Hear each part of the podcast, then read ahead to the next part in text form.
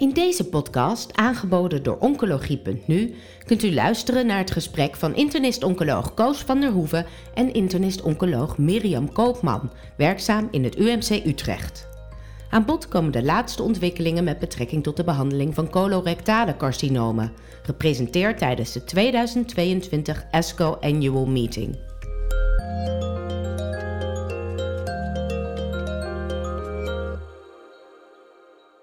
ASCO 2022. Ik ga hierover praten met professor Mirjam Koopman. Zij is internist-oncoloog in het uh, eh, UMCU. En zoals uh, bijna iedereen wel weet, haar aandachtsgebied is vooral het colorectale carcinoom. Welkom Mirjam. Mirjam, heb jij het congres in Chicago gevolgd of heb je het van achter de laptop gevolgd? Nou, voor het eerst in drie jaar weer live in Chicago. Dus dat was, uh, ik moet zeggen, toch wel weer heel erg plezierig om daar ja? Aanwezig te zijn. Oké, en er waren er veel mensen toch, hè? Ja, veel, maar veel minder dan anders. Ik heb begrepen ongeveer 15.000, hoewel er wel eens 40.000 mensen zijn geweest. Dus dat scheelt nogal. Nou, maar toch genoeg. Er waren eh, eh, toch veel interessante voordrachten over het colorectale carcinoom. Ik wilde beginnen met je uh, te spreken over de Dynama-trial. Dat gaat over een betere identificatie van patiënten die baat kunnen hebben van adjuvante systemische therapie na een operatieve ingreep door gebruik te maken van circulerend tumor-DNA. Wat kan je daarover vertellen? Interessante studie van de Australische groep, GNT, die kennen we natuurlijk van de eerdere CT-DNA-studies. Ze hebben gerandomiseerd tussen een CT-DNA-guided approach versus een approach zonder gebruik te maken van CT-DNA. Hier zaten patiënten in met zowel een stadium 2 en 3, en dat is belangrijk om te noemen, omdat dat ook groepen patiënten bevat die wij in Nederland geen adjuvante chemotherapie geven. Ja. Wat ze hebben gedaan is de helft van de patiënten kreeg dus op basis van CT-DNA-uitslag wel of geen adjuvante chemotherapie. En dat hebben ze vergeleken met de groep die niet een uitslag van CT-DNA terugkreeg. En wat ze zagen, en dat is toch wel heel interessant, is dat het percentage patiënten wat adjuvante chemotherapie kreeg, was 28% in de groep zonder ctDNA en 15% in de groep die op basis van de ctDNA-uitslag chemo aangeboden kreeg. Dus een duidelijke afname van het aantal patiënten wat bloot werd gesteld aan adjuvante chemotherapie en de uitkomsten voor de ziektevrije overleving waren vergelijkbaar. Wat hun conclusie was, is dat ctDNA kan helpen om minder patiënten onnodig aan chemo bloot te stellen. Echter, wat ik in het begin al zei, hier zaten dus ook patiënten bij met een laag risicostadium 2, die wij in Nederland überhaupt al geen chemo meer geven. Dus deze resultaten gaan ons niet onze praktijk veranderen in Nederland, maar laat wel zien dat dit soort studies erg kan helpen om inzicht te krijgen in hoe extra prognostische kenmerken kunnen helpen om een besluit te nemen in die shared decision making van patiënt en dokter. Dus ik vond het uh, heel interessant, maar nog wel een aantal haken en ogen. De gedachte erachter is dat als een patiënt geopereerd is en je na een aantal weken bloed verzamelt en kijkt of er nog circulerend tumor-DNA is, dat als dat niet meer aanwezig is, dat er eigenlijk ook geen tumor meer is die behandeling behoeft. Is dat de gedachte? Ja, en als die test natuurlijk 100% klopte met geen ctDNA, betekent ook automatisch geen recidief dan zouden we hem direct nu invoeren in de praktijk. Helaas is dat niet zo, dus er wordt nog steeds gewerkt aan een betere kwaliteit van die testuitslag. Er zijn er een hele hoop testen nu op de markt die in studies worden onderzocht, waaronder ook in Nederland. We hebben in eh, PLCRC de MEDOC en de MEDOC Create studie, waar we soortgelijke concepten nu aan het uh, onderzoeken zijn. Dus ik verwacht eerlijk gezegd dat we dit echt um, beter moeten gaan implementeren. En dat we ook in Nederland dit kunnen gebruiken. Want je wil natuurlijk heel graag, als je kijkt naar die uh, patiënten met een vroeg stadium coloncarcinoom. Nu krijgt zo'n uh, eh, 80% van de patiënten onnodig chemotherapie. 50% krijgt nooit een recidief en 30% ondanks de adjuvante chemo. En je hoopt met zo'n CT-DNA-test deze patiënten op voorhand eigenlijk beter te kunnen selecteren. En dat is wat deze studie, Australische studie, beoogde te doen. Ja, en patiënten met een rectumcarcinoom, die krijgen in Nederland eigenlijk sowieso geen adjuvante chemotherapie. Daar zitten misschien toch ook wel patiënten bij die er baat van zouden kunnen hebben en die misschien met behulp van deze test geïdentificeerd zouden kunnen worden? Ja, dat is een interessante insteek, want ook daar gaat hopelijk een nieuwe studie lopen. Er ligt een aanvraag, als die wordt gehonoreerd, dan gaan we dit in Nederland onderzoeken of CT-DNA bij het rectumcarcinoom ook zo'n soort rol kan hebben. Je hebt eigenlijk al de vraag beantwoord of je het gebruikt in deze setting. In uh, de PLCSC, uh, eh, observationele studie, wordt, wordt het verzameld en wordt er onderzoek naar gedaan. Ja, we hebben voor de vroegstadium coloncarcinomen de MEDOC-studie lopen. Worden buizen bloed preoperatief, postoperatief en in de follow-up afgenomen. En in de MEDOC Create, dat is zo'n Twix-design-studie, waar we mensen randomiseren. En in de interventionele arm vragen of we direct CT-DNA mogen testen. En als dat aanwezig is, bieden we adjuvant chemotherapie aan. Ja, die studie die loopt, nog geen resultaten. Maar dit soort concepten gaan denk ik ontzettend helpen om beter die therapie op maat in die vroege setting te kunnen bieden. Heel interessant. KRAS-mutatie. Uh, we hebben veel patiënten met een colorectaal carcinoom die een KRAS-mutatie hebben. Komt ook bij de longcarcinoom voor. Bij het longcarcinoom is er eigenlijk al een, een, medicatie beschikbaar die, die standaard kan worden toegepast. Hoe zit dat bij het coloncarcinoom? Waren daar nog nieuwe bevindingen waar we in de praktijk iets aan hebben? Ja, hele interessante ontwikkelingen voor die verschillende KRAS-mutaties. Het middel wat je net noemde, de sotorasib bij longkanker, is een specifieke G12C-remmer. Dus dat is een KRAS-mutatie die bij darmkankerpatiënten in een heel klein percentage voorkomt, 1, 2 procent zo'n beetje. En daar lopen allemaal studies, fase 1, 2, in verschillende combinaties. Het middel als monotherapie doet minder dan wanneer je het combineert. En de studie, uh, die Codebreak Trial, die gaat ook um, in Nederland van start. Verschillende cohorten, verschillende combinaties met anti-EGFR, met andere middelen. Ik vind het uh, zeer veelbelovend wat er op dit gebied gebeurt. Vooralsnog niet een plek in de dagelijkse praktijk. Maar ik denk dat het alleen maar weer illustreert hoe ongelooflijk relevant het is dat we die moleculaire diagnostiek bij onze patiënten vroegtijdig inzetten. Om dan ook te weten wie deze specifieke mutatie hebben. Want dit is ook een studie die in de eerste lijn gaat plaatsvinden. Ja. En dus los van de andere toepassingen, anti-EGFR, prognostische waarden, ook specifiek voor studiedeelname, zouden we die moleculaire diagnostiek bij iedereen moeten kunnen inzetten. Belangrijk issue. Het um, locally advanced coloncarcinoom. Daar kunnen we ook preoperatief chemotherapie overwegen. Het wordt vaak postoperatief gedaan. De optical studie ging hierover of het ene nou beter voor de patiënt is dan het andere. Wat waren de resultaten daarvan? Eigenlijk is dit de Chinese Foxtrot-studie. De Foxtrot kennen we nog van een paar jaar geleden. Engelse studie neo-adjuvant, resectie, adjuvant versus resectie en dan adjuvant. Daarvan hebben we gezien dat de studie positief was. In die zin dat de ziektevrije overleving beter was in de neo-adjuvante groep. Echter, die data zijn nog steeds niet gepubliceerd. Ontzettend jammer, want dat gaat wel consequenties hebben. Echter, eh, wat ik begreep is dat die publicatie nu binnen nu en drie maanden gaat komen. De Chinese optical studie had eenzelfde ontwerp. Een bijzondere studie, want de resultaten lieten allereerst zien het is feasible. Ook niet meer comorbiditeit of complicaties in de neoadjuvante groep, dus vergelijkbaar met de Foxtrot-studie. Echter, wat zij niet zagen, is een verschil in de ziektevrije overleving. Die was gelijk binnen deze twee armen. Maar de totale overleving was significant beter voor de neoadjuvante groep. Heel eerlijk gezegd begrijp ik daar niks van. Want ze gingen nog naar substudies, subgroepen kijken. En dan zagen ze dat de vrouwen baat hadden bij neoadjuvante behandeling en de mannen niet. Met ook een significant verschil in de ziektevrije overleving.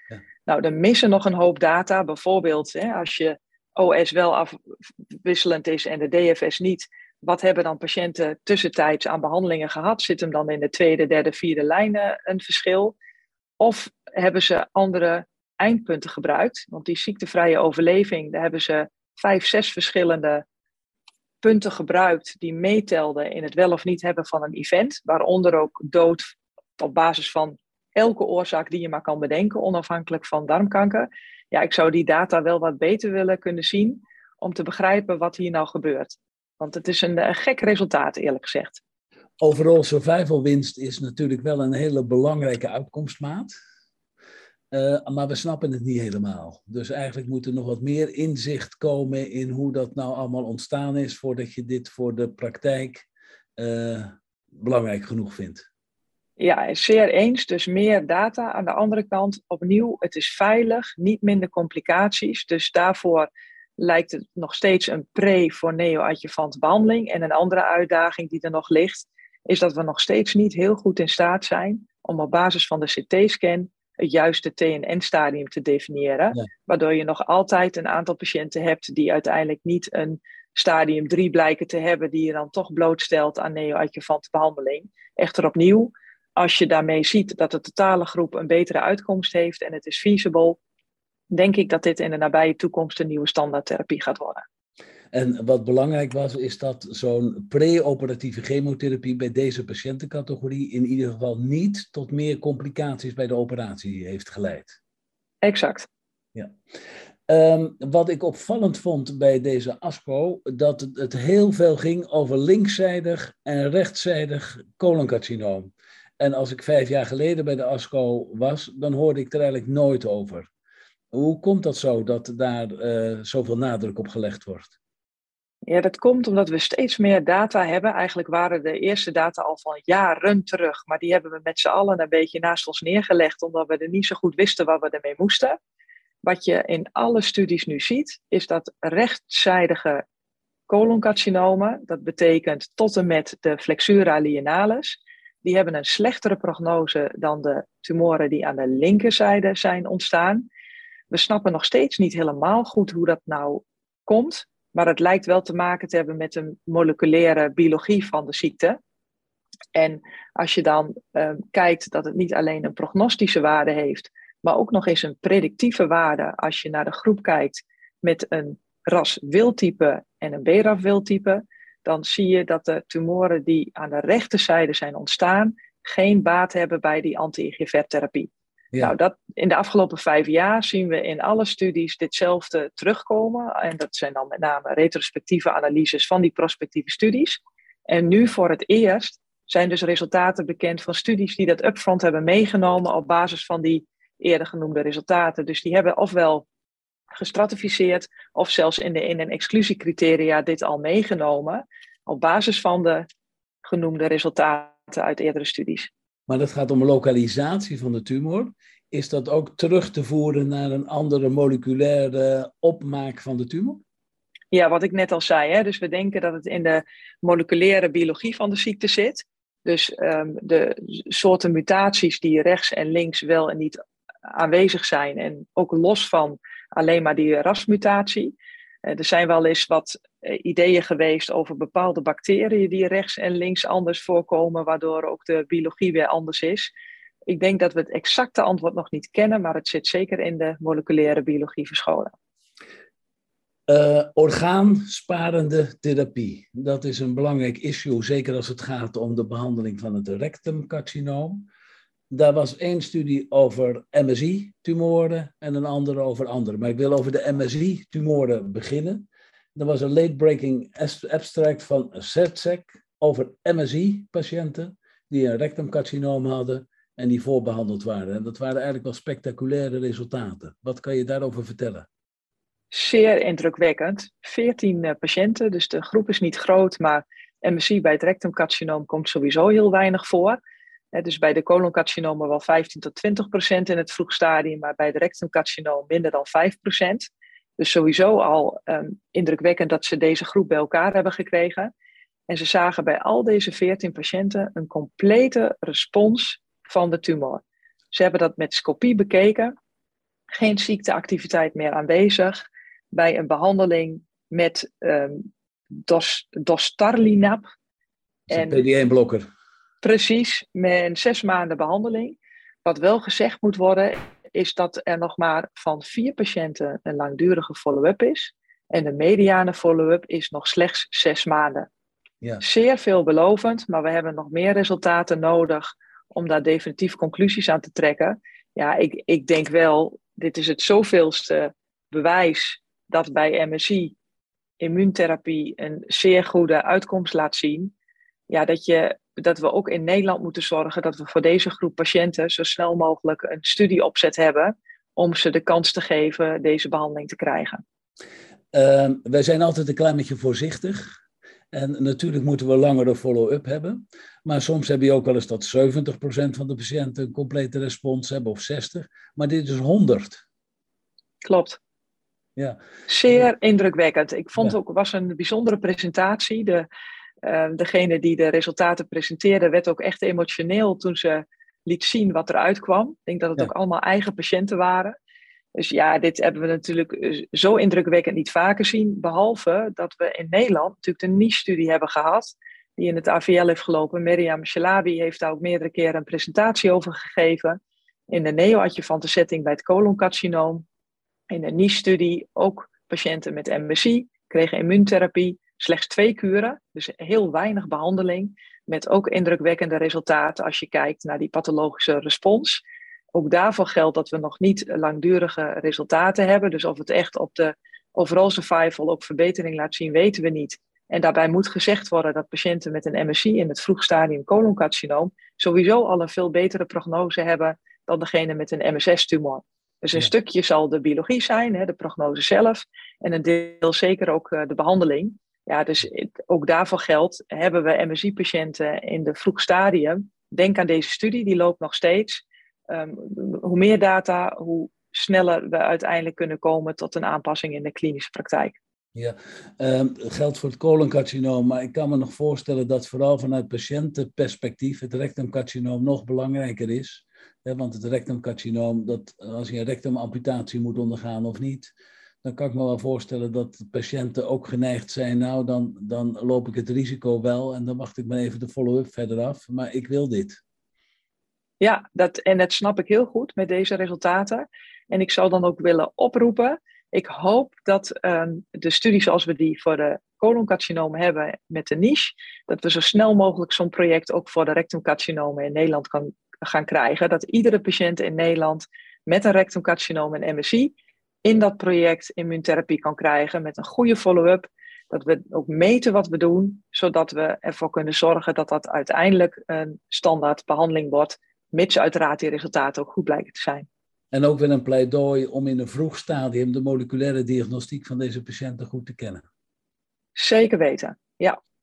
Uh, ik ga nog even door over die orgaanpreservatie. Bij andere patiënten, dus niet MSI-patiënten uh, met een rectumcarcinoom, uh, daar wordt ook chemotherapie gegeven eh, in combinatie met radiotherapie met het eh, doel om te kijken of je misschien ook een operatie achterwege kan laten. Er waren ook twee abstracts over. Wat kan je daarover vertellen? Ja, ook interessant. De afgelopen jaren zien we steeds meer data van die rectumstudies komen. Dit waren twee abstracts over het wat meer vroeg stadium rectumcarcinoom. Dus niet de lokaal gevorderde zoals in de Rapido-studie, maar wat lagere stadia. Waarin wordt gestreefd om een zo groot mogelijke kans op orgaansparende uitkomst te creëren, omdat dat natuurlijk voor patiënten minder morbiditeit met zich meebrengt. Een Spaanse studie en de Star Trek-studie, waar we in Nederland ook heel actief in hebben geparticipeerd. De Spaanse studie had een randomisatie tussen chemoradiatie versus eh, TME. En in de chemoradiatiegroep kon dan daarna een TEM plaatsvinden. Ja, prachtige resultaten waarin grote percentages met responsen in die chemoradiatie in TEM-groep werd gezien. En ook weinig complicaties en morbiditeit, wat je ook verwacht, want je doet een minder grote ingreep. Echt het primaire eindpunt nog niet bekend. Dus we hebben nog helemaal geen data over de ziektevrije overleving of de totale overleving. Maar ik vind het een veelbelovend resultaat, waar we zeker nog meer van gaan horen. En de Star Trek-studie had zelfs drie armen, fase 2. Eigenlijk om te kijken, is het feasible om zo'n studie te doen? met een groep die TME kreeg, een groep die 5x5 radiotherapie kreeg en een groep met chemoradiatie. En die laatste twee groepen werd dan afhankelijk van het respons een watch and wait of alsnog een lokale excisie dan wel TME uitgevoerd. Nou, de studie is feasible, 120 patiënten in twee jaar tijd, prachtig resultaat. De fase 3 loopt nu. Ook nog geen resultaten over eindpunten ten aanzien van de ziektevrije overleving maar al wel een groot percentage waarin orgaanpreservatie werd uh, verkregen. met zo'n 60% in die twee armen die ik net noemde. Dus ik denk dat dit, deze twee studies uiteindelijk kunnen gaan leiden tot uh, de definitie van een groep patiënten die niet meer een TME nodig heeft. Ja, het ging om patiënten die een T2 of T3-tumor hadden. En radiologisch waren ze N0. Ja, klopt. Ja. Oké, nou, veelbelovend en dat, dat zal de komende jaren denk ik wel tot conclusies misschien kunnen leiden. Uh, een belangrijke Nederlandse bijdrage, een oral abstract over de Cairo 5. Kan je daar een korte samenvatting van geven? Ja, dat Cairo 5 heeft natuurlijk heel veel Nederlandse ziekenhuizen aan meegedaan. Met een uniek concept in die zin dat er ook een heel leverpanel van chirurgen en radiologen betrokken was bij de beoordeling van scans. Patiënten met irresectabele levermetastase werden gerandomiseerd op basis van hun rasstatus, waarin ook weer gestratificeerd werd voor links- en rechtszijdig. Hè, en uiteindelijk ook werd de studie hierop aangepast. De resultaten van de patiënten met een ras, dan wel BRAF-mutatie en of een rechtszijdige tumor, werden op dit congres gepresenteerd. En die patiënten die kregen ofwel een behandeling met combinatiechemotherapie met um, um, bevacizumab, ofwel een triplet behandeling met volvoxiri en bevacizumab. Waarbij dit liet zien dat de patiënten die in de tripletarm zaten, een groter percentage hadden waar uiteindelijk nog een resectie kon plaatsvinden. En het primaire eindpunt, de progressievrije overleving, was ook significant beter in die groep patiënten. Totale overleving volgt nog. Um, ik denk, ja, wat, wat moeten we hier nou mee? Ik vind het belangrijkste resultaat dat we opnieuw zien dat voor deze groep patiënten volvoxyrie B, zowel in de groep die uiteindelijk een resectie kreeg, maar ook in de groep die geen resectie kon krijgen, leidt tot een significant betere progressievrije overleving. En dat dat de voorkeur van behandeling is voor die patiënten die jong en fit zijn en maximale kans willen hebben op een langdurige uitkomst. Het levenpanel heeft ertoe geleid dat er nog beter een besluit kon worden genomen over wel of niet resectabiliteit. Met ook echt wel verschillen ten opzichte van de eerste beoordeling die de patiënt in het eigen centrum kreeg. Ja, ik hoop dat dit ertoe gaat leiden dat we toch ook in Nederland een, een plek, een, vergoede plek krijgen voor dit soort beoordelingen. Omdat het toch een expertise is die je in zo'n panel beter kan beoordelen dan um, één dokter alleen.